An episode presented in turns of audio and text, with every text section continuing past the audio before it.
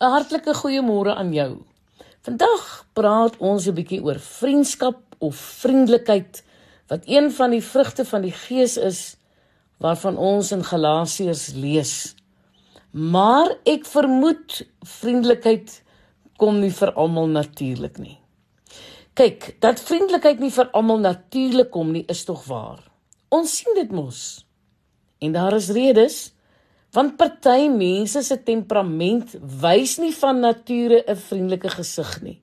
Maar hulle is vriendelike mense. Ander het weer oor die jare toegelaat dat pyn en lyding hulle bitter gelaat het. Jong, jy sien dit in hulle gedrag. Ek is jammer dat hulle iewers vasgehak het en dit nie kon regkry om ten spyte van die pyn te vergewe en doelbewus blydskap gekies het nie.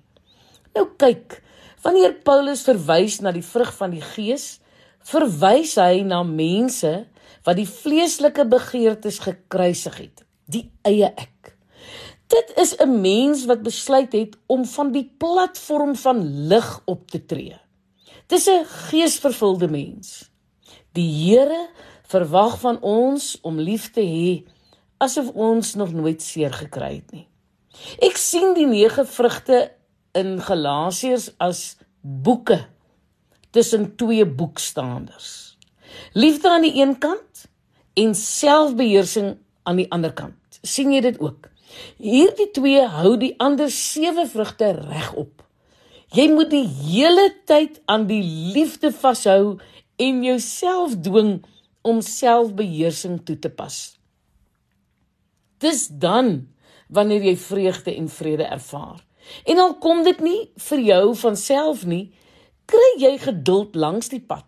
Jy leef vriendelikheid en goedhartigheid uit want jy weet ons het mekaar nodig en jy gee en ontvang getrouheid. Vriende is verseker een van die maniere waarop God vir ons sorg en enige iemand wat jou nader aan God bring is jou beste vriend. Vriende het die gawe van vriendelike woorde en om met empatie te luister. Jong net om daar te wees, soms net vas te hou sonder om 'n woord te uiter. Vriendskap laat jou veilig voel. Vriendskap is verhouding en God is 'n verhoudingsgod. Nou kyk vir die ontvanger van vriendskap, doen dit iets vir sy of haar eie waarde. Ek het 'n WhatsApp of oproep ontvang. Iemand het aan my gedink. Hy of sy doen moeite en reik uit. Ek is waardig. Iemand bid vir my. Ek is waardig om voorgebid te word. Dit bou die eie waarde. Dit gee aan my bestaansreg want ek word aanvaar. Nou vir die gewer Jesus sê dit verskaf groter geluk om te gee as om te ontvang. Handelinge 20 vers 35. Dit is ook van wetenskaplike belang want navorsers het gevind dat dit goed is vir 'n mens as jy van jouself gee. Kyk, vrygewigheid en geluk loop dikwels hand aan hand.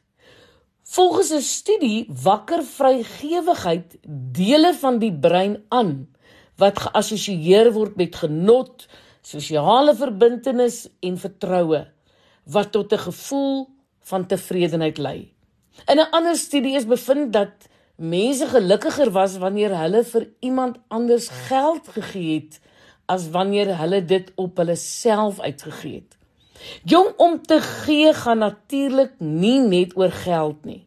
Jy gee jouself, jy gee jou tyd. Daar is baie ander maniere waarop 'n mens kan gee. Studies toon dat diegene wat aanbied om ander te help, minder pyne en kwale het en ook minder depressief is. Hulle is oor die algemeen gesonder. Vrygewigheid verbeter selfs die gesondheid van party wat kroniese gesondheidsprobleme het, soos veelvuldige sklerose of HIV. Daar is ook al getoon dat alkoholiste wat besig is om te herstel, minder depressief is wanneer hulle ander help en ook minder geneig is om 'n terugslag te hê. Die rede hiervoor is blykbaar omdat gevoelens van medelee, goedhartigheid en liefde minder plek laat vir negatiewe emosies. Nou ja, om te gee is ongetwyfeld goed vir jou. Ek is Lenet Beer vir Radio Kansel.